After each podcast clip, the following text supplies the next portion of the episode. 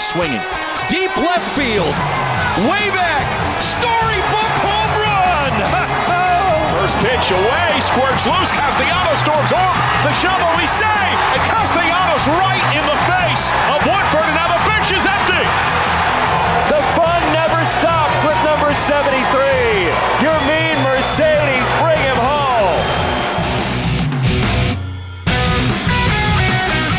Ja, hallo en welkom bij Just a Bit Outside, de enige echte MLB-podcast van Sport Amerika. We hebben aflevering 131 en een mooie aflevering, want baseball is nu echt back. De eerste wedstrijden zitten erop, opening day zit erop, behalve voor Washington en de New York Mets.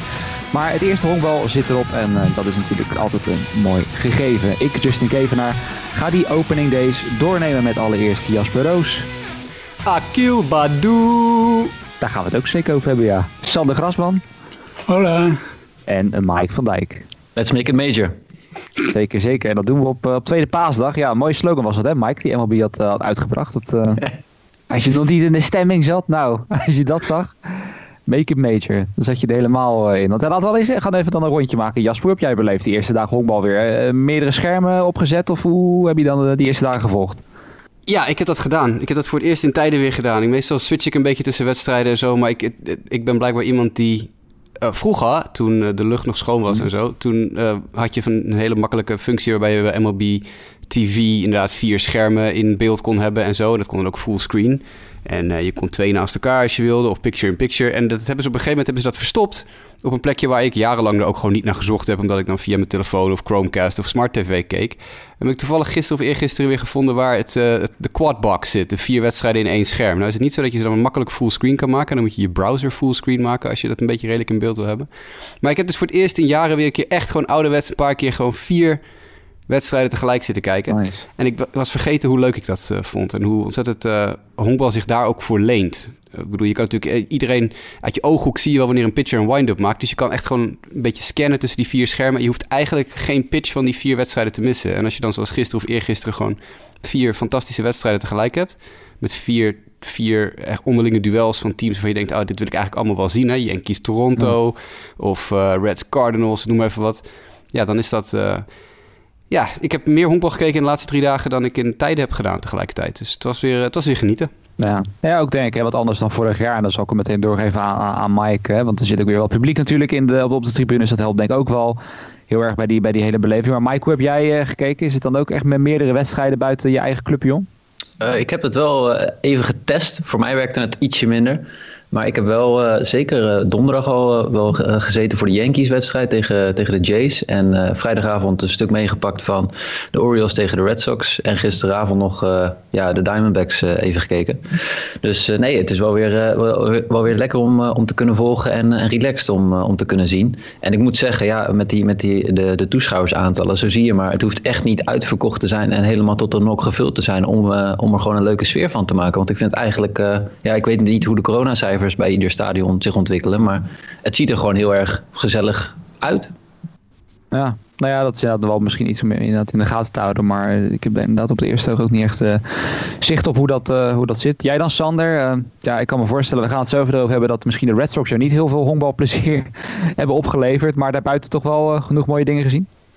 Ja, ik kon uh, de eerste innings van Boston kijken. En zodra het scherm niet meer zichtbaar was door de tranen, zette ik naar een andere wedstrijd om daar, uh, daar verder te kijken.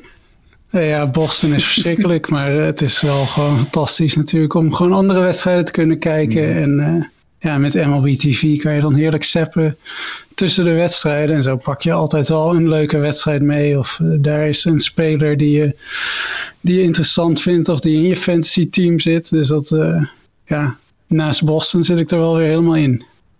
Nou ja, dat, dat ook vooral. Ja, dat merkte ik zelf ook al. We zitten natuurlijk alle vier zitten we in een, in een gemeenschappelijke uh, keeper league, een fantasy league inderdaad. En met onder andere Dennis Jansen bijvoorbeeld, een van onze luisteraars. En nog meerdere mensen die bekend zijn onder Sport Amerika. En dat het ook vooral dat is, dat je weer even, elk team weer even door de line-up scrolt. Uh, elke keer de waiver wire afgaat. En uh, ook in dat opzicht dat het weer begonnen is. En ook binnen onze league al meteen de eerste waiver wire een compleet gekhuis was ook. Ja, dat, uh, dat is ook weer. Hè. Dan merk je denk ik ook wel aan dat vorig jaar was natuurlijk het tussenjaar. Denk voor velen, ook voor honkballiefhebbers natuurlijk. Het telde uiteindelijk als officieel seizoen. Maar het, het voelde anders aan.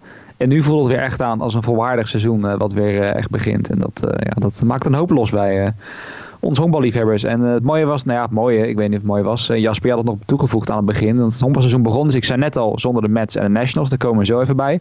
En ook zonder Ty Buttrey, toch wel een ja, best wel bekend reliever van de Angels. Die, die ging ook niet door. Die stopte met meteen ermee.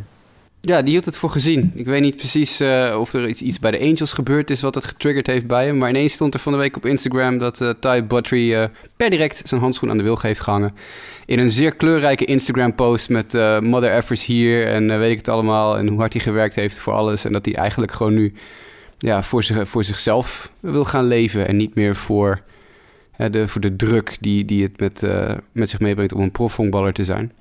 En inderdaad, Ty Buttrey is nou, ja, het is goed, het is niet de top 10 reliever in de Major League, maar het is wel gewoon een jongen die het al een paar jaar prima volhoudt in, uh, op het hoogste niveau. Ja.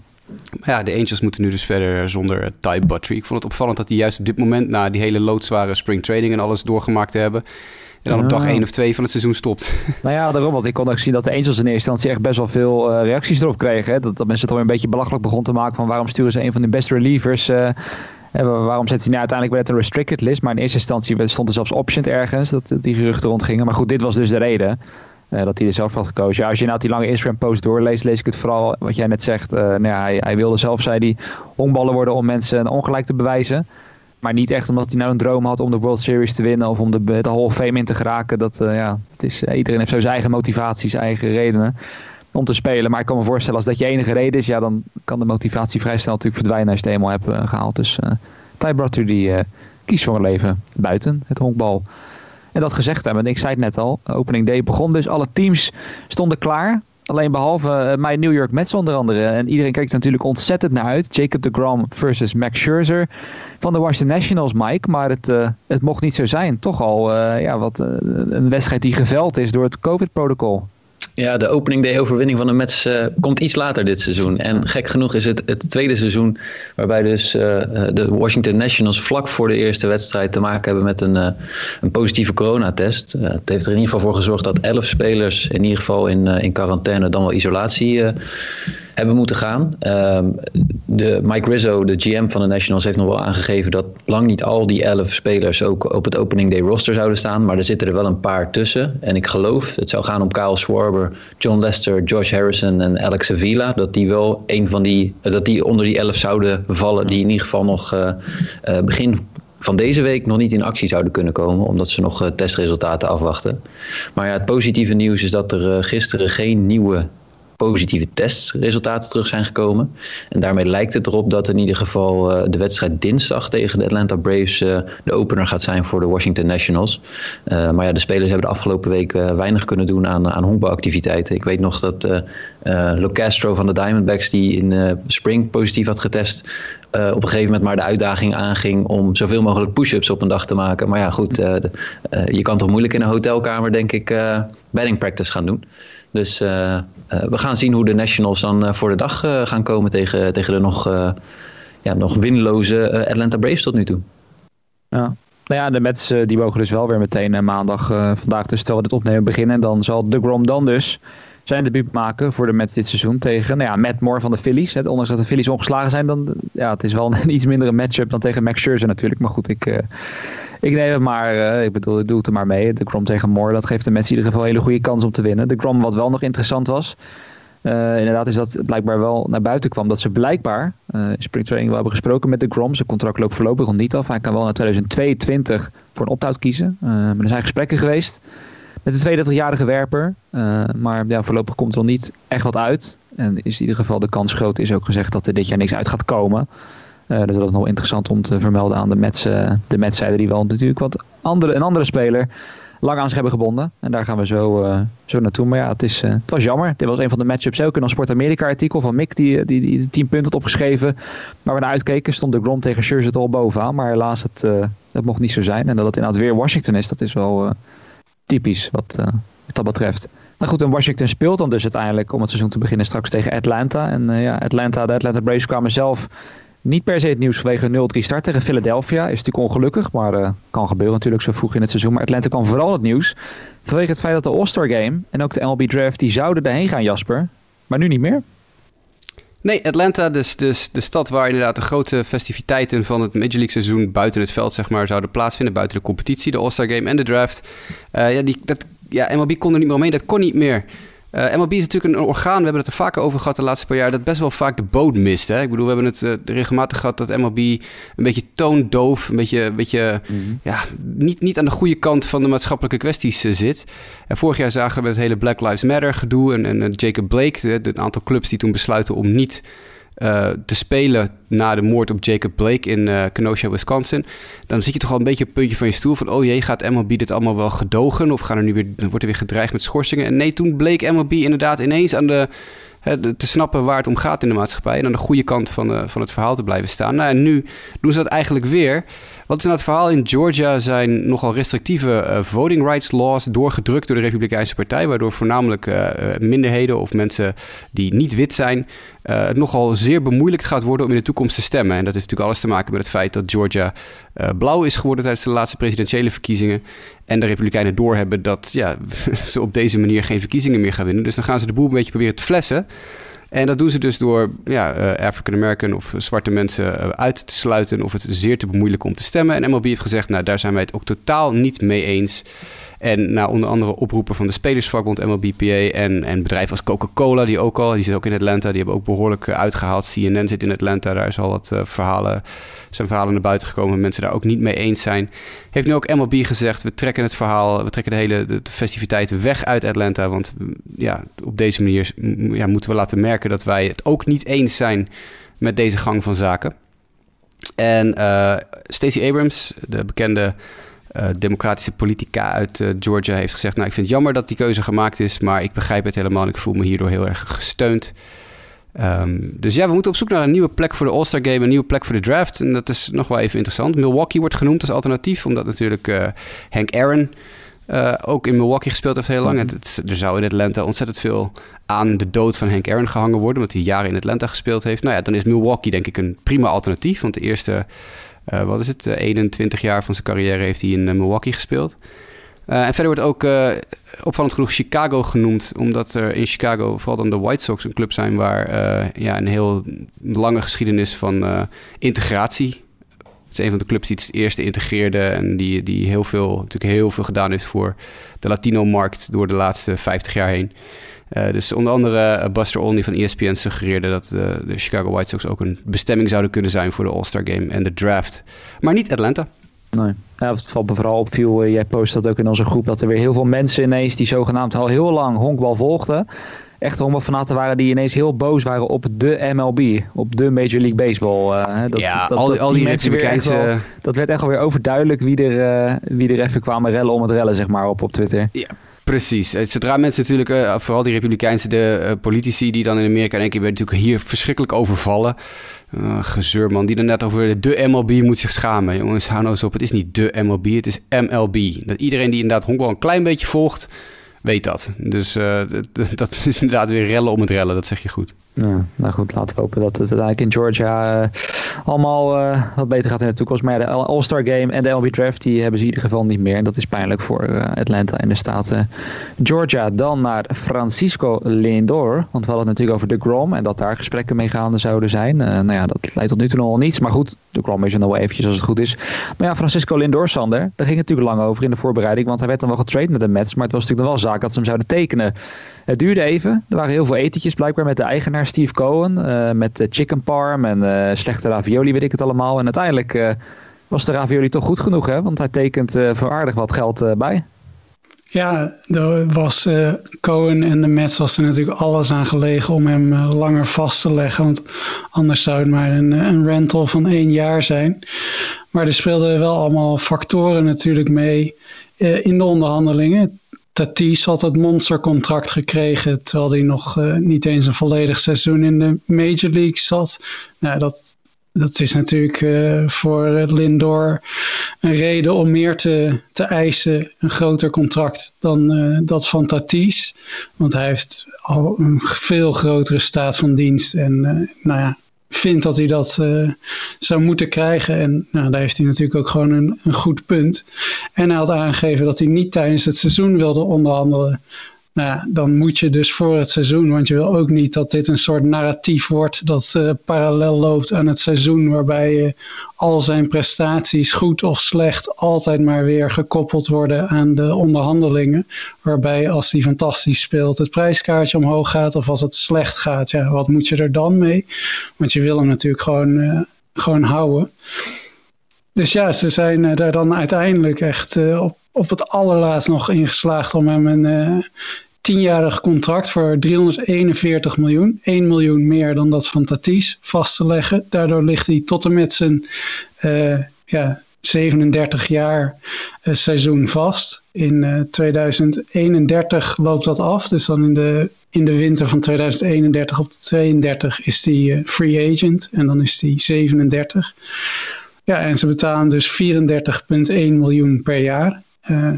Ja, een flink, flink salaris. Er zijn maar een paar contracten groter dan dat. Dat zijn eh, Mike Trout, Mookie Betts. En uh, nou, hij staat dus net 1 miljoentje voor Tatis. En hij moet dus het gezicht gaan worden in de, ja, de komende toekomst van de, van de Mets. Maar ze betalen er flink voor. En het is natuurlijk maar de vraag in hoeverre hij die, dat hele contract, nou dat hij dat hele contract goed zal blijven, dat, die kans lijkt me klein. Maar ja, in hoeverre die, uh, ja, hoe lang die dat waard zal zijn, dat zal maar de vraag zijn. Ik vind het, een, uh, ja, ik vind het altijd moeilijk bij dit soort contracten. Je ziet natuurlijk een Pujols, die begon denk ik zijn contract toen hij 40 of 30 was en die loopt tot na zijn 40ste. Dus dat, dat, dat al ja, seizoenenlange molensteen uh, om de nek van de Angels is, dat is natuurlijk veel erger dan in het geval van Lindor, die wiens contract nu op zijn 37ste afloopt. Maar ja, het is een enorm contract voor iemand waarvan je nog moet zien hoe die uh, de tand des tijds gaat doorstaan. Maar uh, ja, ze hebben wel hun man nu en hun gezicht van de organisatie. En de komende jaren verwacht ik nog zeker enorme goede prestaties van Lindor. Dus benieuwd hoe lang hij dat volhoudt. Ja. weet je wat nou het grappige is? Dat als het contract van Lindor afloopt, betalen de Mets nog steeds Bobby Bonilla elk jaar 1 miljoen dollar. Ja, dat, dat blijft doorgaan. Tot hoe lang, tot wanneer gaat dat ook alweer door, Als ik meteen te denken. Dat is toch ergens dat in de jaren, poeh, Bobby Bonilla. Ik ga het even opzoeken voor je. Ja, als jij, het even opzoekt, dan praat ik wel even door over het feit dat Michael Conforto, dat was nog de derde met eigenlijk die ik in het rijtje had gezet, waar ook gesprekken mee gaan. Er zijn ook natuurlijk best wel een populaire speler, de outfielder. Um, ja, een, klein, een cliënt van uh, Scott Boris, bekende zaakwaarnemer. 2035, sorry. 2035. 2035. Ja, Dat, is aardig, uh, dat is aardig lang. De kans dat Comforter tot 2035 betaald wordt is klein. In ieder geval door de Mets, want ja, tot dusver komen ze er ook niet uit. En die gesprekken gaan ook niet hervat worden tijdens het seizoen. En het eh, lijkt er zelfs sterk op dat Conforto na dit jaar uh, dan liever richting free agency gaat. En dus de markt op, uh, op komt. Wat uh, ja, jammer is ergens. Maar goed, ik weet niet. Zijn eisen zijn misschien te hoog. En dan heb ik misschien... Ja, maar kijk, kijk nou. Ik, ik vind Conforto wel een interessante figuur. Ex-honkbalweker ook. Hè. Laten we dat altijd even benoemen als het ja, benoemd moet worden. maar zo goed is die jongen nog helemaal niet geweest in zijn carrière. Nee, ik bedoel, het is een goede honkballer. Het is een goede honkballer. Het is een bovengemiddelde honkballer. Het is, het is een jongen die echt wel een aardig potje kan honkballen. Maar bedoel, hij is inmiddels 27. Ja. Hij, hij, zit al, wat is het, 5, 6 jaar in de league. Uh, heeft 118 career home runs, één All-Star appearance. Is, uh, heeft nou ja, één of twee seizoenen volledig seizoen gedraaid. De rest is hij altijd behoorlijk geblesseerd geweest. Mm -hmm. Ik vraag me altijd af wat zo'n jongen nou verwacht uh, te krijgen op de, op de free agent markt. Ik bedoel, als je kijkt wat bijvoorbeeld wat met Jock Peterson gebeurde afgelopen winter. Hè, die duidelijk die, die een beter contract heeft afgeslagen om vervolgens terecht te komen bij de Cubs voor 7 miljoen per jaar omdat er gewoon voor de rest geen aanbiedingen waren. En dan vergelijk je eventjes Conforto en, en Peterson. Nou, heel veel ontloopt elkaar dat niet. Conforto is ietsje beter dan, dan Peterson. Maar ik bedoel, het is echt niet zo dat het elkaar heel erg veel ontloopt. Ze hebben vrijwel evenveel slagbeurten. 2145 in zijn carrière voor Conforto, 2163 voor Peterson. Dus er zitten 20 slagbeurten bij elkaar vandaan. Uh, Conforto slaggemiddelde ligt 30 punten hoger, maar ook 2,59 is ook niet dat je denkt denderend. Ze zitten allebei in de buurt van de 300, tussen, tussen de 305 en 340 RBI's. Ze zitten allebei tussen de 300... Nou, hier, Conforto 348 runs gescoord. Peterson 345 runs gescoord. Allebei 17 stolen bases in hun carrière. Uh, even kijken. OPS van 803 voor Peterson, 843 voor Conforto. Dus dit zijn jongens die echt heel erg bij elkaar in de buurt liggen qua uh, output, hè, qua, qua carrière. Mm -hmm. Nou ja, Pietersen die moest met een eenjarige 7 miljoen deal uh, genoegen nemen deze winter. En het betere bod dat hij had was 1 jaar 10 miljoen. Nou. Nou ja, ik weet niet wat Conforto dan denkt te krijgen. Ja, misschien, misschien ook door de markt dan. Hè? Dat stelt hij bij de Pirates had gespeeld dat het dan totaal niet aan de orde was. Maar hij speelde bij de Mets, veel in beeld en zo. Dat, dat ja, goed, Peterson speelde bij de Dodgers. Ja, Peterson speelde bij de Dodgers en nu bij de Cubs. Dus het zijn ook twee gigantische clubs. Ze zijn allebei ook precies even oud, allebei 28. ik snap echt niet wat Conforto nou denkt te gaan krijgen op de open markt. In ieder geval niet waarom hij denkt dat hij zoveel meer waard gaat zijn dan Jock Peterson. Want die legt ze naast elkaar, het is echt identiek. Nee, nou ja, ik, ik geloof je. Het is ook zeker wel zo. Kijk, en ik ben natuurlijk een beetje gekleurd omdat ik er naar kijk als een Matt. En hij is natuurlijk hoog gedraft toen destijds in de eerste ronde. Top 10 geloof ik zelfs. Hè, door, uh, of nee, even kijken. Ja, 10 inderdaad zie ik Tiende, tiende overall, ja. 2014 draft uh, vanuit Oregon State. Dus hè, dat, dat speelt natuurlijk dan vanuit mijn optiek een beetje mee. Maar het is wel wat je zegt. We moeten hem ook naar weer niet maken als een van de, de beste outfielders in MLB. Hij heeft ook maar één All-Star game gehaald. Om dat dan ook maar te benoemen. Voor zover dat een, een graadmeter is. Maar toch, het zegt wel wat dat hij in zes jaar maar één keer tot de All-Star game is, uh, is Ja, hetzelfde met Peterson. Peterson één All-Star game. Ja er zijn zoveel... Ik kan letterlijk maar één reden verzinnen waarom Conforto meer geld, veel meer geld gaat krijgen op de free agent markt dan Peterson. En dat is dat Conforto bij Boras zit. Ja, dat speelt ook mee. Ja. Het is, en Peterson uh, zit bij Excel Sports. Excel Sports is wat dat betreft een iets minder uh, cutthroat uh, business dan, dan Boras. Boras zegt natuurlijk gewoon heel simpel: nou ja, ik bedoel, de, de, de max moeten kopen voor Conforto. Ja. Maar ja, als je het heel eerlijk en, en neutraal beschouwt, is mm. die, deze jongens ontlopen elkaar helemaal niet. Nee. Maakt het des te jammerder als, uh, wat ik net zeg, als die inderdaad richting free agency gaat, dat ze een Jared Kelly niet meer hebben. Want dat had dan meteen een, uh, ja, die, die had dan meteen klaargestaan om hem uh, te vervangen wat dat betreft. Maar ja, dat, dat is een ander verhaal. Nee, maar ik ben benieuwd. Het lijkt me inderdaad sterk dat hij, dat mensen ook zo'n gigantisch contract gaat krijgen. Maar We will see what will happen. Dan, Jasper, wilde ik het ook aan jou meegeven. Want de White Sox, uh, ja, die hadden misschien wel een van de meest enerverende series, om het zo te noemen, tegen de Angels. Sowieso denk ik heel interessant natuurlijk. Hè, want zowel de White Sox als de Angels toch wel met aardig wat positieve gevoelens het seizoen in. Ook wel met wel aardig wat verwachtingen. En ja, het was om meerdere redenen denk ik wel een bijzondere series. Hè, van Otani natuurlijk, die uh, zowel pitste als sloeg, als Jeremy Mercedes natuurlijk. Ik had, ik had het gewoon door moeten zetten. Toen ik vorige podcast zei, eigenlijk wil ik Otani voor MVP kiezen, had ik het gewoon door moeten zeggen. Ja, ik zeggen, luister, schrap Trout en ik had Otani moeten doen. Want wat die weer deze hele eerste serie laat zien, uh, aan slag. En gisteravond, vannacht gooide hij dan een inning. Hij gooide de hardste pitch van een starter dit seizoen in de Major League. Hij sloeg de hardste bal uh, van een starter in de Major League. Het was, uh, hij heeft een paar home runs genoteerd. Dus het, het is wat deze jongen, ja, we roepen het al jaren, wat die, wat die kan als hij fit blijft op een veld is, on, is ongeëvenaard. En dat hebben we dus echt deze serie weer gezien. Otani is, is een freak, is echt een, ja, dit is, uh, dit is eigenlijk iemand die je elke dag wil gaan bekijken. En, en dan is het jammer dat hij natuurlijk, er is uiteindelijk een botsing vannacht op de thuisplaat tussen oh. hem en Abreu. Uh, een fysieke botsing, geen, uh, geen andere botsing, maar gewoon dat ze tegen elkaar aanklapten. Nou ja, dat is dan, dan moet Otani, die is nu day-to-day, maar ik denk dat het allemaal wel meevalt. Maar het, ja, aan de andere kant, hij is van glas, dus we moeten even een beetje voorzichtig zijn natuurlijk. Maar dit is wat die liet zien, echt fantastisch. Eerste pitcher sinds 1903, uh, eh, die zowel slaat als pitcht in dezelfde wedstrijd. Uh, dus die tijdens de start ook nog als nummer 2 slaat. Je had opgezocht, uh, Justin, dat het Jack Dunleavy en Waddy Lee waren in Goeie namen, wie 1903 en 1902 inderdaad. Um, dus wat Otani weer liet zien deze serie was, is, ja, het is, must, het is echte must-see TV. Het is iedere slagbeurt die je van Otani meet. Het is jammer dat de Angels in de, aan de West Coast spelen en dat daarom regelmatig eigenlijk gewoon midden in de nacht en echt heel erg midden in de nacht spelen. Maar als je de kans hebt dit seizoen uh, om een wedstrijd mee te pakken waar Otani in staat te spelen, je, je moet hem verplicht opzetten. Het is, ja, Lionel, die, die, die, nou, die zou je heel, heel goed op gaan. dit zou eigenlijk een, een, blokje zijn voor Lionel, want die is natuurlijk onze two-sport fan. Oh, two-way two, player fan. Uh, maar wat Otani laat zien is fantastisch. En ja, dan noem je Jermin Mercedes. Ja, dat was natuurlijk een, is een mooi verhaal. Jermin die uh, uh, acht uit acht ging in zijn eerste acht slagbeurten dit seizoen. met, ik geloof, zes singles, een double en een home run. Dat zeg ik even uit mijn hoofd. Uh, ja, Jermin Mercedes is, een, dat is misschien een naam voor de mensen die, die... Ja, goed, je kan er bijna niet het gemist hebben, want het staat overal op Twitter. En MLB is er helemaal mee uh, aan de haal gegaan met Jermin. Dus als je het op Twitter ook een beetje volgt, heb je die naam gezien. Jermin is een fantastisch verhaal. Is 28-jarige catcher uit de Dominicaanse Republiek. Tien jaar geleden op de internationale markt vastgelegd door de Washington Nationals. Drie jaar in de Dominican Summer League gespeeld. Dat is dus de rookie ball op de Dominican Republic. Voordat hij dus naar Amerika gehaald is om te spelen, hebben de Nationals hem alweer laten gaan. Wat heel wazig is, want als je naar die statistieken kijkt van die eerste drie jaar in de Dominican Summer League, stond hij echt heel erg goed te slaan. Dus dit is een jongen die echt goed kan slaan. Maar na drie jaar Dominican Summer League hebben de Nationals hem gedumpt.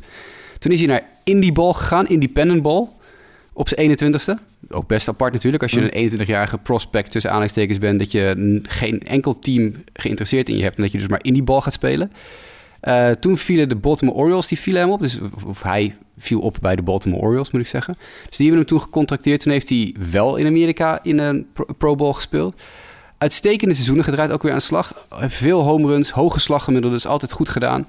Maar ja, de Orioles vergaten hem toen eh, op een gegeven moment te beschermen voor de Minor League Rule 5 draft. En toen hebben de White Sox hem opgepikt een paar jaar geleden. En dat is dus de Minor League Rule 5 draft. Hè. We weten allemaal, als je in de Major League fase gedraft wordt, dan moet je een heel seizoen vervolgens op het Major League roster staan. We hebben een paar Rule 5 picks de laatste paar dagen in actie gezien. Garrett Whitlock bij de Red Sox.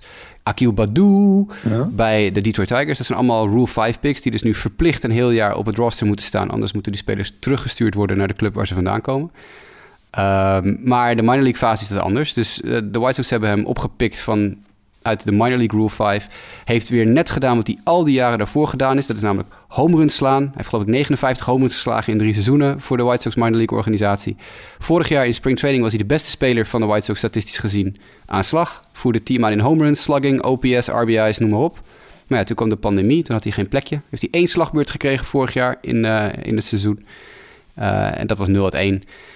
En nu is hij eigenlijk, omdat Eloy geblesseerd is geraakt, toegevoegd aan dat team. Eh, en eh, gaat hij 8 uit 8 uit zijn eerste slagbeurten met zes singles, een double en een home run. Schitterend verhaal. Ik vind het, eh, dat, soort, dat soort verhalen doe ik het voor. Jongens die uit baseball zijn, zowat, die in indie ball terechtkomen en uiteindelijk nou, ja, in de majors een record breken. De eerste speler in de modern era die 8 uit 8 ging. Hij ging 5 uit 5 op zijn, in zijn eerste start. Dat was al voor het eerst sinds, ik geloof, 1933. Cecil Travis of zo. Was de laatste speler die 5 uit 5 ging in zijn eerste start. En toen deed Jermien daar nog eventjes een, eh, een 3 uit 4 de volgende dag bij, waardoor hij 8 uit 8 ging. Gaat hij dat volhouden? Nee, nee. denk het niet, nee, nee. Maar het is wel leuk. Nou ja, wat je zegt. Het is toch leuker dat dan zo iemand dit doet dan dat er bijvoorbeeld een top prospect is die eh 8 voor 8 begint en dus als eerste dat, eh, dat doet. Het is juist leuker als het iemand is die met zo'n omweg er, daar is gekomen. En wat ik al zei, sowieso, ik heb, ja, ik heb het niet live gezien, want wat jij zegt, de meeste van deze wedstrijden waren geloof ik ook inderdaad diep in de nacht. Maar ja, het waren wel enerverende wedstrijden, ook die van vandaag met Otani inderdaad, even terug zitten kijken. Het was, eh was mooi, eh, mooi potje honkbal. Wat, eh, wat. Otani is ook echt groot geworden. Merkte hij wel. Tenminste, vond ik ten opzichte van hoe we hem in zijn debuut zagen maken bij de Angels, had ik de indruk dat hij echt wel een stuk steviger en sterker is geworden ten opzichte van zijn eerste seizoen in, in LA. Ja, ja, zou kunnen. Ja, ik weet niet, het is zelf specifiek niet echt opgevallen, maar het is, het is natuurlijk sowieso een vrij, vrij, lange, vrij lange man. En dat, dat is dan ook wel grappig natuurlijk. Dat, eh, ja, dat, dat, dat, zo'n Japanse jongen inderdaad zo groot en zo sterk dat hij gewoon even heel MLB eh, bij de maat neemt. Het is eh, mooie, mooie televisie inderdaad om, om te zien. Nou, het was, inderdaad, het was inderdaad sowieso gewoon echt een, een goede serie. Ik bedoel, de Angels winnen er drie, White Sox winnen er één. Maar het is wel een serie met heel veel van dit soort dingen. Heel veel, er kwamen heel veel verhaallijnen uit. Ik bedoel, met de Angels, Justin Upton staat ook gewoon hartstikke goed te slaan. Hij is echt een heel belangrijke speler Ja. voor die club. Eh, want Upton is natuurlijk al jaren presteert hij niet naar wat hij moet doen. En als die nou ook weer eens gaat klikken dit seizoen... Ja, dat maakt het voor de Angels nog makkelijker om te wedijveren met, met de Astros en eventueel de A's... die dan een beroerde start aan een seizoen hebben. Ehm, dus er zitten heel veel verhaallijnen in deze teams. Eh, De eerste Grand Slam van het seizoen kwam eruit. Jose Abreu sloeg de eerste Grand Slam van dit Major League seizoen... eh, op vrijdag of zaterdag, weet niet meer in mijn hoofd. Eh, vrijdag geloof ik. geloof het ook. Uh, we hebben natuurlijk wat uh, geweldige pitching gezien met Otani. Maar we hebben ook Giolito stond heel goed te gooien. Uh, we hebben een paar van die bullpen kanonnen gezien. Michael Kopech die unhittable was voor de White Sox. Garrett Crochet unhittable voor de White Sox. Uh, Jared Walsh, jouw dude Jared Walsh, Justin. Die een walk-off home run slaat vannacht. Zeker. Ook ja. gaaf om te zien dat zo'n prospect die dan... Hè, we hebben het erover gehad in de preseason. Waarom staat hij niet eigenlijk standaard in de starting line-up. Want dit is gewoon een jongen die de kans moet krijgen. Nou, dan krijgt hij een keer de kans en dan mapt hij een, walk-off home run eruit. Dit, dit, dit, was, dit was echt een heel leuke serie. En ik vind het ontzettend jammer dat ik niks live heb kunnen zien, maar het allemaal in de replay heb moeten zien. Maar dit was echt gewoon heel leuk om naar te kijken. Nou dat, uh, dat zonder meer. Uh, nou ja, goed, de andere series die misschien nog even dan kort moeten bespreken. Je had hem ook toegevoegd, Jasper, maar zal wel geven aan Mike. Uh, ja, was dat er toch ook eigenlijk uh, weer een potje knokken was. En tussen twee teams uh, die dat al wel, ja, die al lang een beetje een historie hebben van dat ze elkaar niet zo mogen. De Reds en de Cardinals. En Nick Castellanos, Mike, die als eerste ja, er soort van voor zorgen dat er wat actie was op een ander front. Zeker. Ja, er was een, een pitch van, van Woodford van de St. Louis Cardinals, Jake Woodford. En ja, die had eigenlijk totaal niet de controle over die, die worp, dus die ging richting Castellanos. En die was daar zeker niet amused over, dus hij ging naar het eerste honk. en niet veel later nog een keer een pitch van Woodford die weer de verkeerde kant op schiet en richting de backstop gaat, waardoor Castellanos kan sprinten naar de thuisplaat en met een sliding weet te scoren. En vervolgens doet hij een soort hulkpose over Jake Woodford heen. En ja, uh, dan is uh, Jadier Molina ook snel om zeg maar een verhaal te komen halen uh, in de buurt. Dus dat, was wel, dat zorgt wel voor wat, voor wat commotie en wat duw- en trekwerken onderling. Dus nou, dat, dat, zo vroeg in het seizoen, ik weet niet, vorig jaar hebben we het niet gezien toen het publiek er niet zat. En we hebben ook nog natuurlijk een opstootje gehad in, in Oakland. Dat hebben we eigenlijk niet van tevoren nog, nog besproken. Maar de, de vermeende elleboogactie bodycheck van Carlos Correa tegen, wat is het, Matt Olsen of Chapman? Chapman. Chapman.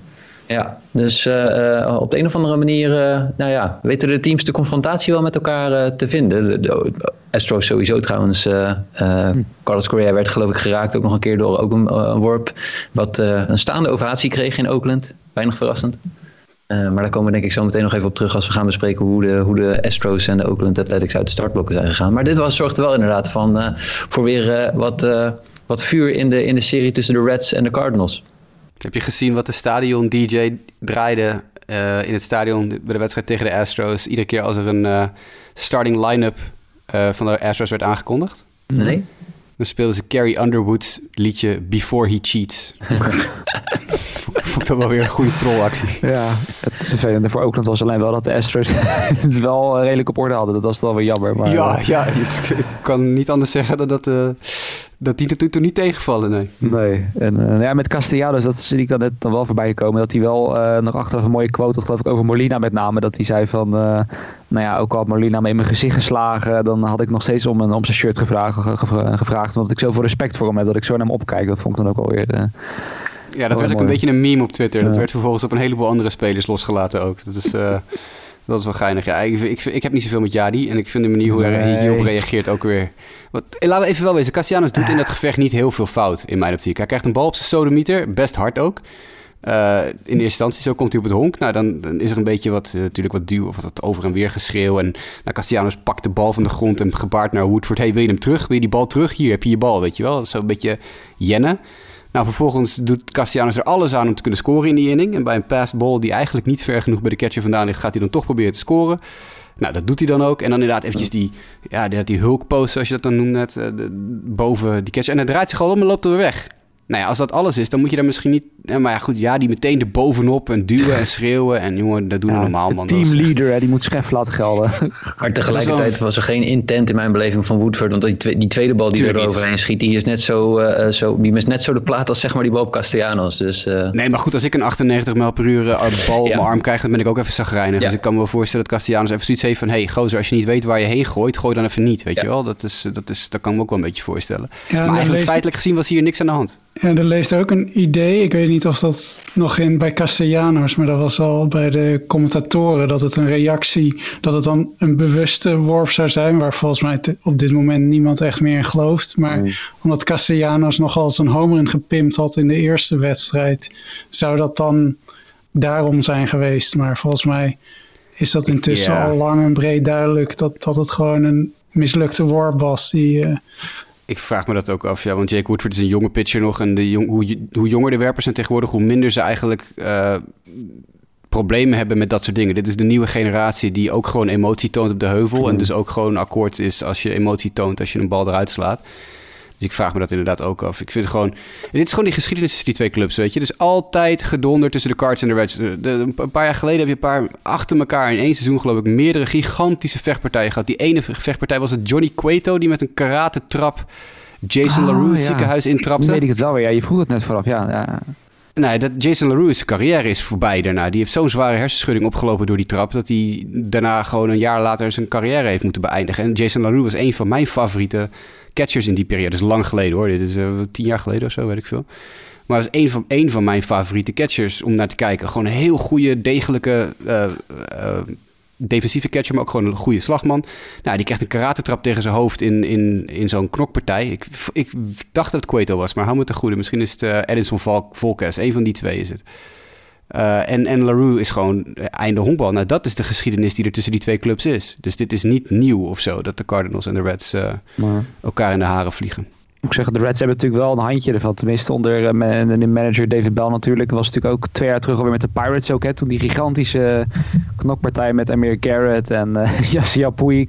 Dat toen ook helemaal uit, uit de klauwen liep. Dat, uh, dat is ook nog wel een vrij iconische matpartij. Maar ja, ik zit me dan wel te bedenken. Er werden dan wat denk ik wel aardig wat, wat coronaprotocollen zo verbroken. Want er zijn gewoon ja, best wel regels voor. Dat je zelfs uitgestuurd kan worden als je binnen, als je echt dicht bij umpires gaat staan of echt uh, dicht bij je tegenstander uh, dingen gaat doen. Maar dat uh, nou, alleen Castellanos werd uiteindelijk verantwoordelijk ervoor gehouden. Dus dat is dan wel weer bijzonder. Het was, het was Johnny Cueto. Ik heb het even snel opgezocht. Hm. Johnny Cueto die Jason LaRue op zijn hoofd trapte en 2010 was dat. En vijf jaar later had LaRue nog steeds last van zijn hoofd. Ja.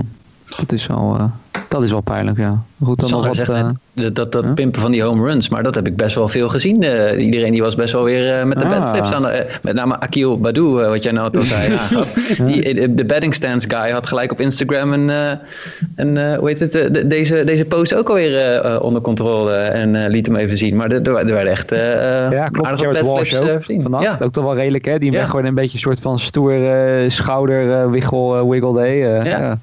Miggy, Miggy, Miggy Cabrera, die uh, een home slaat, wat echt een waanzinnig mooie video was trouwens van de Detroit Tigers. Als je hem niet gezien hebt, ga naar Tigers Twitter-account en zoek hem op. Cabrera die in de sneeuw een home run slaat in slow motion. Waanzinnig mooi. Maar Cabrera die vervolgens een sliding maakt op twee, terwijl hij net een home run heeft geslagen. Vond ik ook wel mooi. Maar ja, je kan er toch ook niet meer omheen dat bij dat Make It Major filmpje, dat draait ook bijna om het uh, flexen na een home run. Ja ja, dan is het toch gewoon, je kan er nu toch niks meer van vinden eigenlijk als pitcher. Dat, daar kan je toch niet meer druk om maken eigenlijk. Nee. nee. Het is wat heel veel pitchers al gezegd hebben. Luister, een van de moeilijkste dingen die er is, is die bal eruit slaan. Ja, nou, een van de moeilijkste dingen voor mij is om een strikeout te gooien. Ik ben ook blij als ik een strikeout gooi, dus waarom mag jij niet blij zijn als ik een home run sla? Het is... Maar inderdaad, precies dat filmpje ook. Hè. De, de, alle jongens die regelmatig bedflippen zaten erin. Tim Anderson, Tatis, uh, Lindor. Allemaal jongens die uh, nou, toch wel van een knuppeltje gooien houden, ja. Laten we nog even wat kort nieuws behandelen voordat we nog even wat dieper ingaan op wat de eerste paar dagen is, uh, is gebeurd. Om een beetje wat overreactions te geven zoals het natuurlijk hoort na zo'n uh, opening weekend. Uh, allereerst Mike, kort nieuws bij de Angels. Uh, we hadden het erover over die series en dat daar toch bepaalde spelers op stonden. Ja, ook David Fletcher is daarin ondertussen best wel een ja, belangrijke, solide kracht. En die lijkt voorlopig nog even te blijven bij de Angels. Yes, ze zijn eruit gekomen. Uh, een vijfjarige contractverlenging voor 26 miljoen eh, dollar met uh, ja, utility man eigenlijk David Fletcher.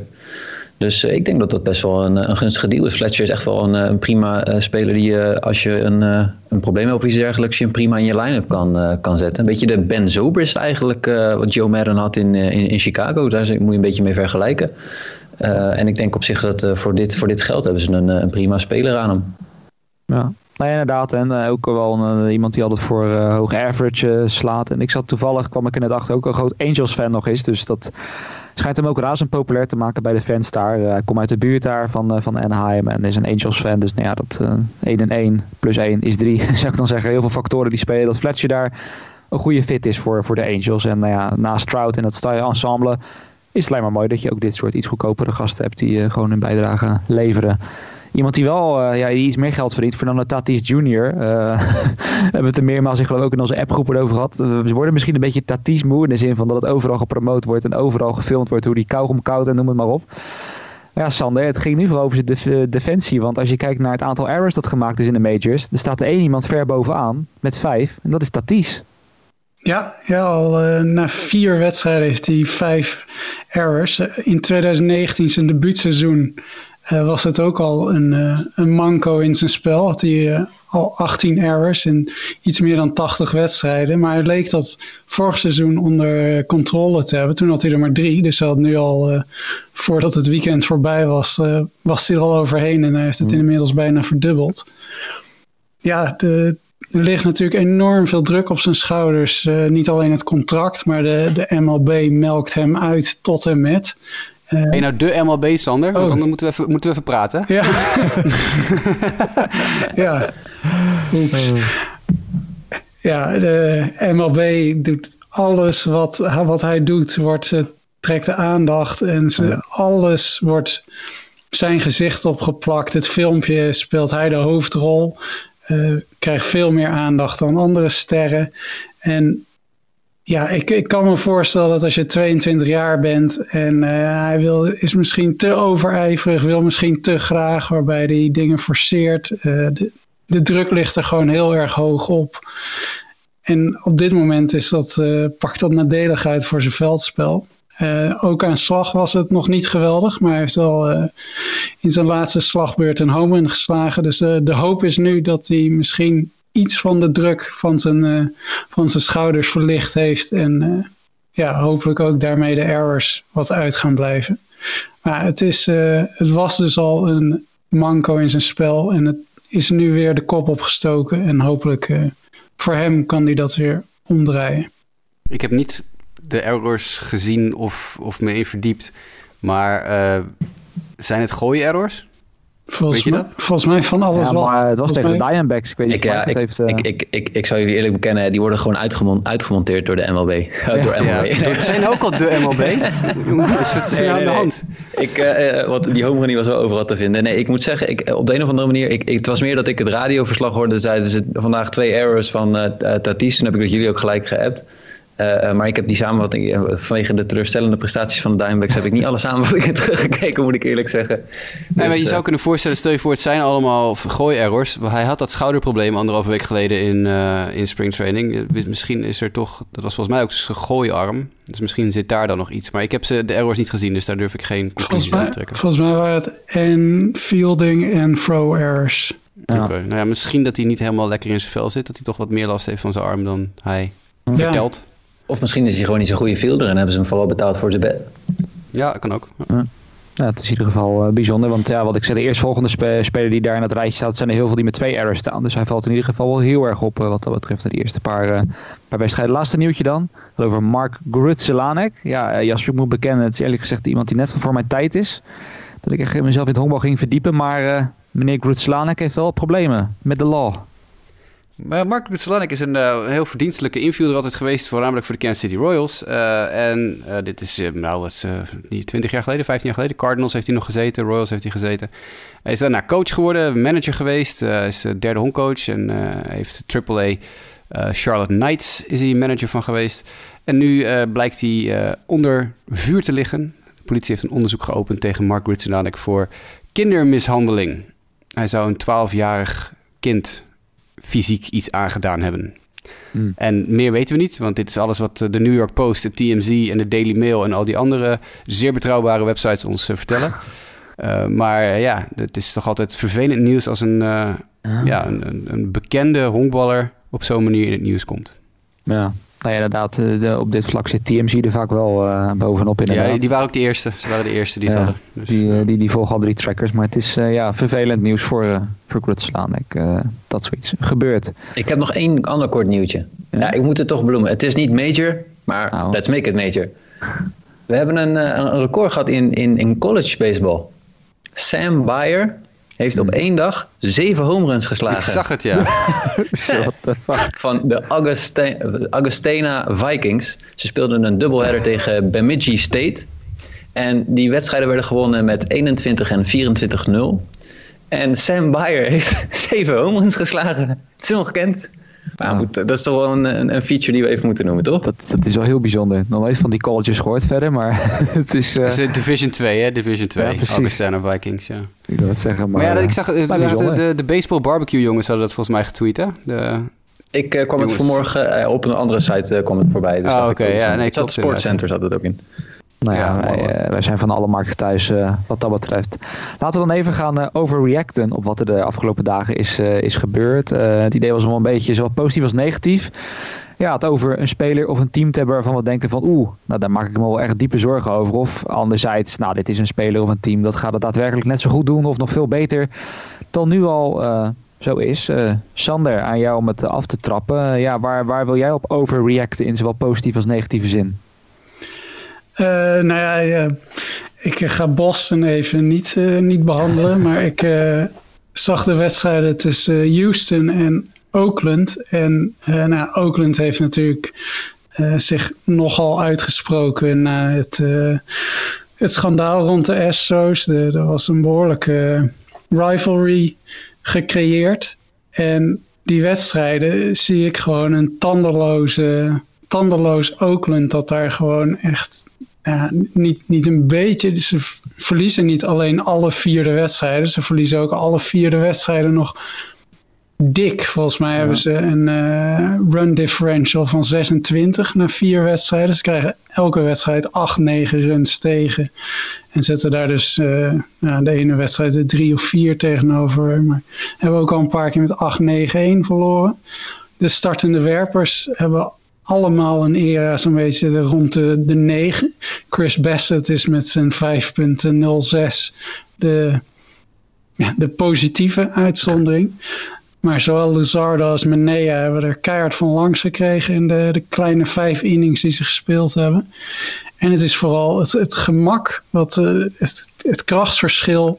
En uh, nou, het werd net al even genoemd, het opstootje met Correa en Chapman. Het is, nou, ik vind het moeilijk om te zeggen of je nou Correa heel veel kan verwijten. Want Chapman houdt ineens op met rennen, waardoor nou, Correa misschien slecht uitkomt met zijn stappen. Het lijkt mij dat hij een bodycheck geeft, maar ik moet zeggen dat ik niet vaak in zo'n uh, situatie ben beland. Maar ja, het, uh, er, er, spreekt geen vuur uit. De, de verwachte rivaliteit die, die een beetje zo opgeklopt was, miste ik heel erg. Dat, uh, ja, ze, ze zijn redelijk mak naar de slagbank geleid. En ja, dat, uh, dat is niet zoals je wil beginnen. Zeker niet tegen een directe concurrent om de, om de winst in de divisie. En, en Houston komt sterk voor de dag. Bregman slaat al twee homens, dus zij zijn mij positief opgevallen. Altuve vind ik een gretige indruk maken, ook, ook op de honken. En nou, ze hebben dus echt korte metten gemaakt met, met een directe concurrent en meteen de, eerste klap uitgedeeld. Ja, het was ook, uh, ik had er nog een statistiekje ook bij gevonden. Inderdaad, sowieso Houston eerste team sinds 2003 dat 8 plus runs scoort in hun eerste vier wedstrijden. Want het was echt elke uh, wedstrijd, zoals je zegt, nou ja, prijs, prijs schieten. Wat dat betreft. En ja, ik zit te kijken wel bij Oakland wat ook niet helpt, denk ik. Hè? Want de closer, Trevor Rosenthal, die, was op, die viel al meteen weg natuurlijk. Hè, voordat ja, die hebben ze niet nodig gehad. Nee. ze stonden altijd zo ver achter. Tuurlijk, er zal misschien niet aan liggen. Maar ik zag ook Ramon Laureano heeft twee wedstrijden gemist. Sean Murphy, de catcher, die was weer eens geblesseerd na een, alweer één wedstrijd. Uh, Chad Pinder heeft geloof ik de laatste wedstrijd uh, vannacht uh, best wel ja, mogelijk ernstige knieblessure opgelopen. die er wel eens langer uit, uit kan liggen. Dus het, het ja, zit ook allemaal tegen dan. Ja. Die Pinder was nog was nog heel belangrijk in die eerste wedstrijd met een paar geweldige vangballen. Anders was die eerste wedstrijd nog, nog veel pijnlijker geworden. Dus die, uh, die had een paar mooie vangballen waarbij hij zeker een paar extra base hits uh, eruit haalde.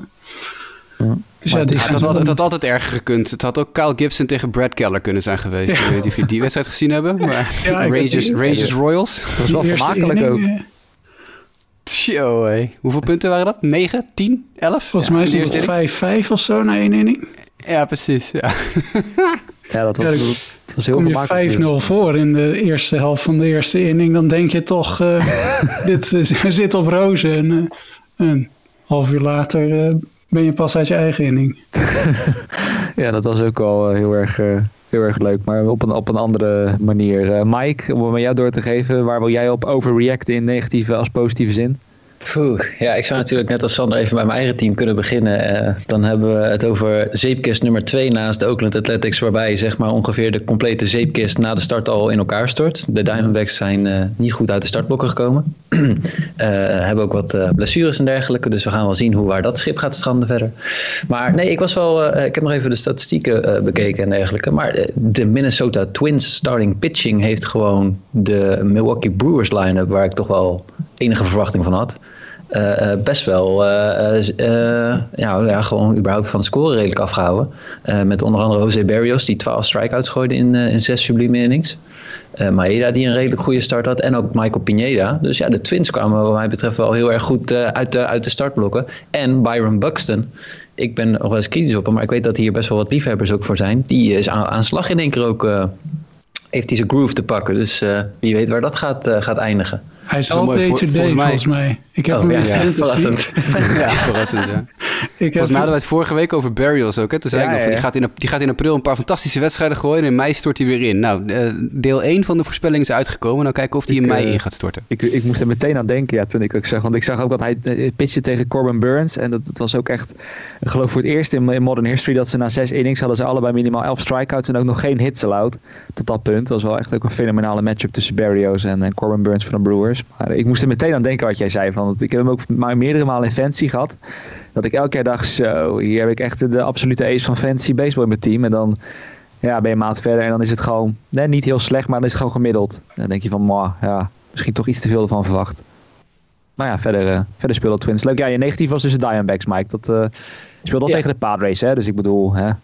Ja, maar de, de starting pitching, uh, ik geloof dat de pitching bijzonder veel wijd ook had gegooid in die, in die tweede of derde wedstrijd. Nee, die tweede of derde wedstrijd, dat was gewoon niet best. En als je team ziet spelen, weet je, het is ook het, het alles zit dan ook tegen ook. Hè. Een aangooi van uh, Rojas op het eerste honk, waarbij de bal dan in het oog, of tegen het oog van de, van de eerste honkman aankomt. En ja, dan moet Christian Walker er dus uit. Die heeft vervolgens een, eh, een, een, een snee en alles. Ja, het, het zit ook niet mee. Ook eh, de, de korte stop die geblesseerd is. Nou, hoe, hoe we hebben de eerste. Uh, uh, we called up Geraldo Perdomo. Woehoe. Nou, um, ja, het is gewoon. het, is, het is niet. Ik, ik heb er weinig. ik heb er weinig hoop meer in dit seizoen. En, hmm. Maar goed, we gaan, het, we gaan wel zien of we de Rockies kunnen verslaan onderin. Dat is, dat is denk ik vooral het, belangrijke. Ja, mijn algoritme was inderdaad ook al één keer bij Arizona en San Diego uitgekomen. Het is inderdaad... Uh, ik heb een beetje maar buiten Ketel maar om is het vooral aanvallend weinig... Uh, weinig veelbelovend. Die, kan, die kan MVP worden. Echt waar. Serieus, de vorm waarin hij nu is, die kan MVP worden. hey, Tim, Tim Locastro. En Tim Locastro, ja, moet Tim Locastro heeft, een, heeft het eh, record van Tim Raines voor uh, consecutive stolen bases te start a career geëvenaard. 27 op rij, succesvol. Over vier of vijf jaar verspreid. Ik schreef het in het artikel van de week. vijf dingen die me opvielen na de eerste twee dagen seizoen. Tim Locastro 27 uit 27 te start a career. Dat is, uh, ja, Tim Raines is een Hall of Famer. Dus... Ja. Nou, maar ik schreef ook, Range ging geloof ik in het eerste seizoen iets van, eh, die ging, had twee steals, toen vijf steals en het derde seizoen 71 steals.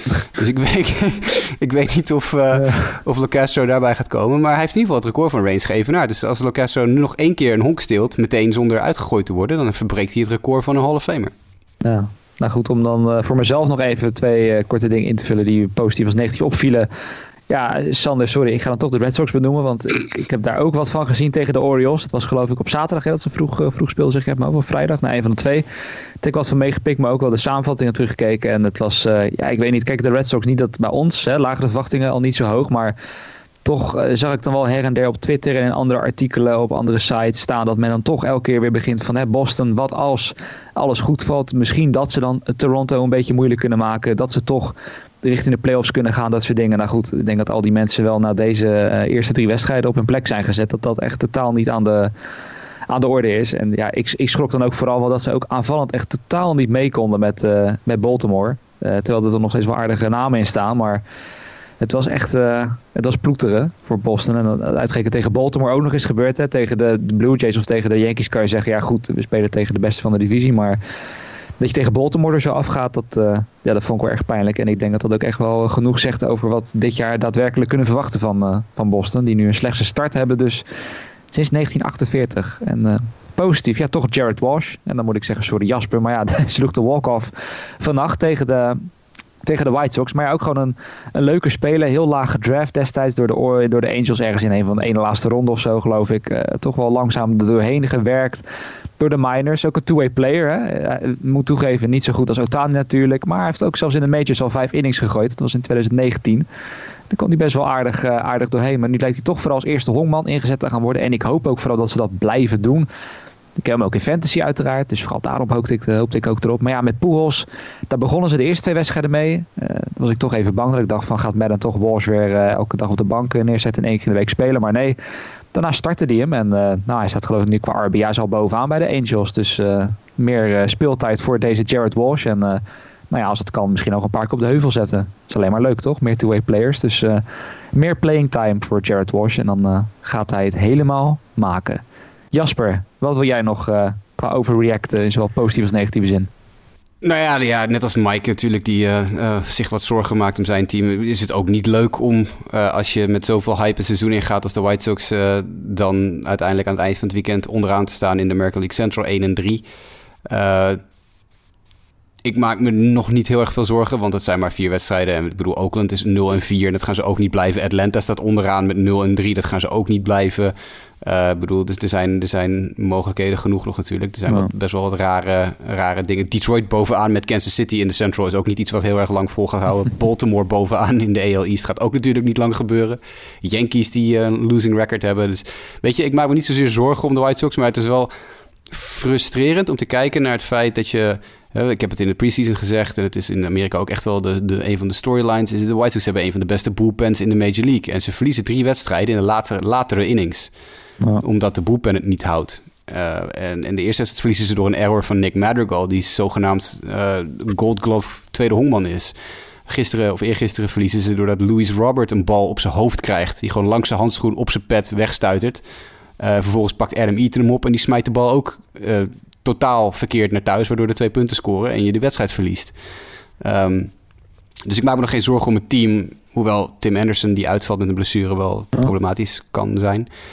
Um, maar het is, het is vooral vervelend dat die, een van je sterkste punten, namelijk je bullpen, het zo af laat weten. En dat ook je defense gewoon niet goed is. Dus dit is hoe, hoe 2020 afliep voor de White Sox. Met geen pitching uit de bullpen en slechte defense. Je hebt toch de hoop dat dat beter zou zijn aan het begin van dit seizoen. Maar maak ik me zorgen om ze? Nee. Het zou leuk zijn als, als de jongens allemaal een beetje fit bleven. En als we natuurlijk. Uh, maar goed, voor de rest is het. Het is, het is vervelend dat het allemaal telkens uh, op één puntje instort. Verder, ja, positieve zin natuurlijk. Ik noem wel even, ik startte de uitzending met Akil Badou. Het is, het is een van mijn favoriete spelers al in spring training. Ik heb hem meerdere keren genoemd in de laatste paar weken in de podcast. Omdat ja, hou hem in de gaten. Dit is een jongen die echt gewoon super goed staat te spelen. Die de eerste bal die hij in zijn carrière in de Major League ziet, meteen uit het stadion beukt voor een hmm. home run. Fantastische batflip. Eerste speler sinds Wilson Contreras van de Cubs in 2016. Die de eerste pitch die hij ziet over de hekken beukt. Uh, ik vind Akil Badou een ontzettend leuke speler. En dit is natuurlijk niet... Dit is geen jongen die... Uh, bij de supersterren gaat horen dit seizoen, denk ik. Maar dus het is een beetje overreaction om hem meteen te noemen. Maar ik vind, ja, ik vind het gewoon een ontzettend leuke speler. Eh, daar hou, ik hou er gewoon van, dit soort jongens. Eerste Ghanese-Amerikaanse uh, honkballer ook in de Major League. Ook weer een, uh, een, een, dingetje dat we kunnen checken dan. Is ook, ook, ook tof. En het is gewoon, het, het geeft wat, wat schwung aan een team dat natuurlijk in principe niet zo heel veel gaat bereiken dit jaar. En dit soort spelers maakt het voor zo'n club ook wel weer leuk om, ja, om, om, om ze te volgen, voor fans om naar te kijken. Ja, voor de rest, ja, je kan natuurlijk je kan de wereld aan, aan spelers eruit lichten waar je op over, kan overreacten. Corbin Burns wordt, uh, wordt Cy Young Award winnaar in de National League, als je het mij vraagt. Ja, goed, dat roep ik ook al vier jaar. het is leuk om te zien dat die jongen eindelijk een keer, uh, ja, nu toch echt bij de top hoort. Um, maar zo kun, je, ja, zo kun je eindeloos blijven overreacten op dingen die leuk en minder leuk zijn. ik, heb heel veel, ik heb heel veel verrassende leuke spelers gezien waar ik met heel veel plezier dit seizoen naar ga kijken. En Badou is er daar één van. Vanwege alleen al de naam. Akil Badou, fantastische naam. Ehm, maar ik ga ook zeker wel uh, nou, toch ervan uit dat teams als Atlanta niet uh, onderaan blijven staan. En uh, de Oakland A's. Dus ik verwacht wel dat er de komende week wat, wat recht getrokken wordt in de, in de Major League. Ja, om daarop dan nog verder te gaan hè, qua overreact. Het is ook altijd wel leuk om dan na het opening weekend te kijken naar die stats. Ook voor individuele spelers. En dat je dan bijvoorbeeld Cedric Mullins van de Orioles bovenaan ziet. Als hoogste slaggemiddelde van 6,92. Nou, ik denk niet, met alle respect voor Mullins, hij is nog jong kan zich nog ontwikkelen. Speelde ook heel leuk tegen de Red Sox. Maar ik denk niet dat hij op weg is naar een batting uh, title. Hè? Cedric Mullins van de, van de Orioles. Nou ja, gistermiddag stond uh, Mercedes nog 8,89 te slaan. Dat is inmiddels nadat hij ja, die is 0 uit 3 ging. Ja. ja. precies. Die is een uh, 0 uit 3 gegaan. Zo. en, dan, en, dan, en, dan, Nate Lowe van de Rangers. Nou ja, die heeft dan de meeste RBI's tot nu toe uh, genoteerd. Ja, dat moet wel gezegd worden. Hij is misschien een van de weinige Rangers die wat kan. En dan speel je tegen de Royals in je eerste series. Ja, dat, uh, dat helpt je natuurlijk naar de top van het klassement. Uh, met Michael A. Taylor die er vlak achter staat. Dat Michael dan, A. Taylor. Ja, dat zijn dan wel die grappige dingen, weet je. Michael A. Taylor die bij de Royals die gewoon MVP-type nummers aflegt na zijn eerste series. Tegen de Rangers dus. Dus dat dat helpt. Uh, ik zit te denken. En van, en van die spelers die dan, die dan de, weer een keer laten zien hoe verschrikkelijk goed ze zouden kunnen zijn als ja. ze niet constant geblesseerd zijn. Kijk naar David Dahl van de Texas Rangers. Fantastisch begin het seizoen. Ja, die speelt ook tegen de Royals weer. Dus dan... Ja, maar die jongen die gaat ook over twee weken breekt hij ook weer iets. Dus dat, is, dat, dat is, ook, uh, dat weet je gewoon, dat gaat gebeuren. Maar dit zijn van jongens, van, daar kan je dromen. Wat zou het zijn als ze eens een keer een heel jaar fit zouden zijn? Nou ja, dat vooral. Ja, misschien nog zitten denk ik als laatste enige wat we niet hebben genoemd. Shout-out naar Philadelphia. Dat gewoon met uh, Nola, Wheeler en met Zach Eflin uh, gewoon een drie hele goede starts heeft achter elkaar. En daarmee Atlanta dus op 0-3 zetten. En dat, uh, Volgens ja, mij hebben we, hebben we Eflin ook gecallt in de podcast twee weken geleden. Ja. Drie weken geleden. Klopt, ja. Als, dus, als, als breakout kandidaat. Het is de vraag wat er erachter gaat gebeuren met Matt Moore onder andere. Maar die top 3, dat lijkt, dat zit wel snor. Dus één dingetje. Gaat Toronto New York echt uitdagen op basis van de eerste serie? Mm, weet ik niet. Het is, ik heb best wel veel Yankees gekeken. Het is logisch, die spelen op, op normale tijd. En het is een leuke serie met Toronto. Uh, ik, ik heb over Kluber het een en ander getweet van de week. Kluber zag er bij tijd en wijle heel goed uit. Die slider was, die werkte fantastisch. Alleen zijn fastball was niet nog waar het moet zijn. De snelheid komt natuurlijk nooit meer terug. Maar de locatie was ook echt af en toe... Woehoe, echt aan de andere kant van de, van de wereld zo ongeveer. Uh, maar ja, als, die, als, die, als dit roest kwijtraken is dan hebben de Yankees aan Kluber natuurlijk een hele goede. Als blijkt dat ze meteen die slider inderdaad zo blijft en dat de fastball alleen maar beter gaat worden, dan, dan is, hebben ze een hele goede. En Domingo Herman was, was bagger. Was waardeloos. Ja, dat, dat moeilijk, ja. Dus dat heb ik ook nog zitten kijken, want die heb ik in Fantasy onder andere in ons, volgens mij in onze league ook. Mhm. En dat was niet, uh, daar werd ik niet heel gelukkig van. En dat is wat het probleem wat we in het preseason hebben aangekaart al. Hè? Ik bedoel, de Yankees pitching rotation op papier ziet er hartstikke leuk uit. Maar hoe gaat het in de praktijk eruit zien? Nou, deze, deze Domingo Herman gaat de maand niet afmaken bij de Yankees als het zo doorgaat. En dat geeft ook maar wel weer aan wat je aan spring training, uh, in ieder geval uit ja. de prestaties van spring training kunt zeggen. Want daar was die geweldig en waren ja. heel veel Yankees super enthousiast over hun rotatie. Want dat zag er allemaal fenomenaal uit. En uh, nou, hij komt niet echt uh, uit de startblokken. Nee. Dus ja, als je vraagt, gaan, die, gaan de Blue Jays die Yankees moeilijk maken? Ja, het kan, het kan wel. De, de Blue Jays boepen en met die twee gasten aan het einde, Romano en Merriweather, dat is wel echt een feestje om naar te kijken ook. Ah. Ik nou ja, ben ook wel verbazen dat de Yankees gewoon jaar in jaar uit gewoon moeite hebben om een solide starting rotation te formeren. Ja, toch? Sinds het is toch, in, in de jaren van, uh, wat hadden ze, 15 jaar geleden? David Barrett Cole, Clemens. David Wells, Ja. Barrett Clemens, ja. En ook Ja. toch gewoon weer blessures. Hè? Dat zo'n Luke Voigt natuurlijk al is weggevallen. Waardoor Jay Bruce weer eh, van het kerkhof van MLB-spelers is, eh, is gehaald. Sloeg deed het run. wel aardig geloof ik. Ja. Ja. sloeg een home run. Maar dat je denkt, ja, als dat is waar je de komende twee maanden op moet teren. Ja. Ja, ik heb hem ook een hele, hele dikke strikeout zien krijgen, dus dat was ook wel lachen. Ja, dus eh, ja, veel interessante dingen. Ja, we hadden nog een heel blokje met blessures. Maar ik zit, als ik zo door die lijst heen zit te kijken, hebben we de meestal behandeld. Ja, misschien alleen Brian ook. Hayes is wel misschien nog goed om te benoemen. Hè? Want eh, ja, dat is Jasper, dat is natuurlijk vooral eh, jouw guy. Kunnen we zeggen, maar het is ook wel een beetje onze guy. Want heel veel mensen hebben hem ook wel als National League Rookie of the Year eh, als voornaamste kandidaat ge- genoemd. En hij begon ook goed natuurlijk. Hè, met, die, met die home run op opening day. Maar ja, toch een blessure hè. Zo jammer. Ja, jongste Pirates hitter met een home run op opening day sinds Barry Bonds dat in 1988 nog deed. Eh, ik vind het jammer dat hij, eh, dat hij geblesseerd is. Het is left wrist inflammation. Hij heeft een bal op zijn hand gehad van de week en dat, is, dat gaat niet helemaal goed. Ehm, dus dat is jammer, maar laten we hopen dat het bij een beetje inflammation blijft en dat hij over tien dagen gewoon weer terug is. Want deze jongen stond ballen echt met, eh, met 106, 108 mijl per uur weer links en rechts door het veld te beuken. Dus die wil ik liefst zo snel mogelijk weer op het veld zien. Ja, nou hoef je in ieder geval de komende tien dagen geen Pirates op te zetten. Dat, eh, Nee, dat is een dat ding dat in zeker ieder is. geval een, een ding dat zeker is. Ja, die hoef je niet in het, eh, het quad screen erbij, eh, erbij te gooien. Nou, dat, ja, dat was hem dan denk ik wel. Of hebben we hebben nog iets te melden? Ik denk dat we alles wel een beetje toch van ons hart hebben. We hebben heel veel teams genoemd. Ik wil net zeggen. mooi. Ja, ik zal even... Ja, dat, niet- Eh, De Marlins fans zullen teleurgesteld zijn dat ze ja, moeten dat wachten tot enige, volgende dat week. wist ik net, ja. dat Trevor Rogers eh, vannacht zijn start heeft gemaakt. En eh, die speelt Oh vandaag ja, tegen de moet hem, eh, Cardinals. Moeten we nog even in mijn fantasy line-up zetten eh, waarom jij hem niet in je fantasy line-up kan hebben. Ja, ik heb, hem wel in mijn an- ik heb hem wel een andere league erin gezet, dus ik kan toch mee... Ja, jij hebt eh, alle Marlins in een andere league. Eliezer Hernandez geblesseerd, dat is dan wel weer jammer als we het toch even over de Marlins hebben. Ja. Dat is teleurstellend. Sixto Sanchez, ook een kleine terugslag gehad. Inflammation in zijn schouder, dus dat gaan we ook, dat gaat ook wel een tijdje duren, denk ik. Ja. Dus dat is jammer. We hebben welk team we nog meer niet genoemd? Maar Shane Bieber heeft wel de meeste strikeouts tot nu toe, dus... nou ja. Oh, Tampa Bay Rays heb je daar nog niet genoemd. En Mike, Dodgers, zeggen over? Dodgers, ja, de World Series teams. Dodgers- ja, ik bedoel, dat is allemaal niet genoemd. Nee, maar de, de Dodgers, dat, eh, dat is een bekend verhaal, toch? Die zijn gewoon goed. ja, zelfs een kat houdt Eh, ze niet van de winststaf. Precies. Bij Tampa Seattle, Bay moeten we er iets over eh, zeggen? Hij mag dan eerst eh, Seattle, sloeg Mitch Haniger Ja, weer zijn eerste home run sinds eh, 600 zoveel Ja. dagen lang geblesseerd geweest. Dat is mooi. Mooi. Goed om te zien. Ik heb Ja, ik, heb niks, ik, geen, Dus- ik heb ook geen, geen Tampa Bay gekeken. Oh, Glasnow heb ik wel gezien van de week trouwens. Die was wel weer echt heel goed, Tyler Glasnow. Holy crap, wat is, dat is een, eh, een uitdager voor American League Cy Young als dat zo doorgaat. Want die staf, dat is, dat is niet te raken. Dat is mooi. Eh wie we bakker, gehad? Giants? Rock, Giants, heb, eh, Giants heb ik ook helemaal niet gekeken. Dat Nee, is zo'n ontzettend oninteressant team. Ja, die werden dus eh, gepakt door de Mariners, dat, dat is het enige wat ik weet. Ja.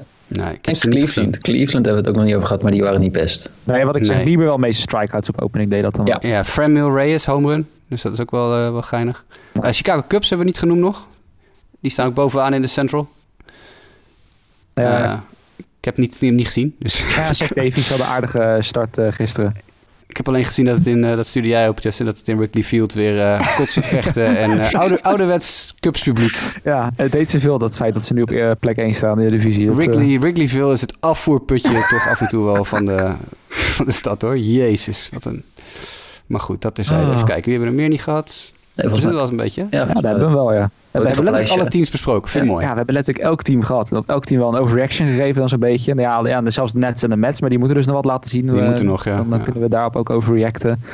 Dus dat is eh, nou, helemaal mooi. Dat was hem dan. Eh, nou ja, mocht je vragen hebben naar aanleiding van wat er de afgelopen dagen is gebeurd.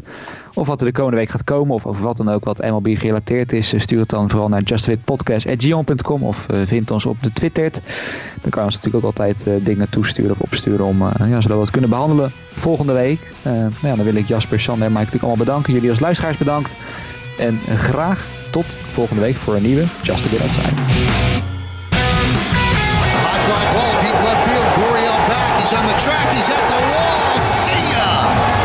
Another home run for Sanchez. Didi Gregorius is there. Oh, what a play! He falls to his backside and reels it in, fighting the wind the entire time. Your mean Mercedes send him to the All Star game. Outrageous what he's done. This is absolutely Hollywood golden ridiculous.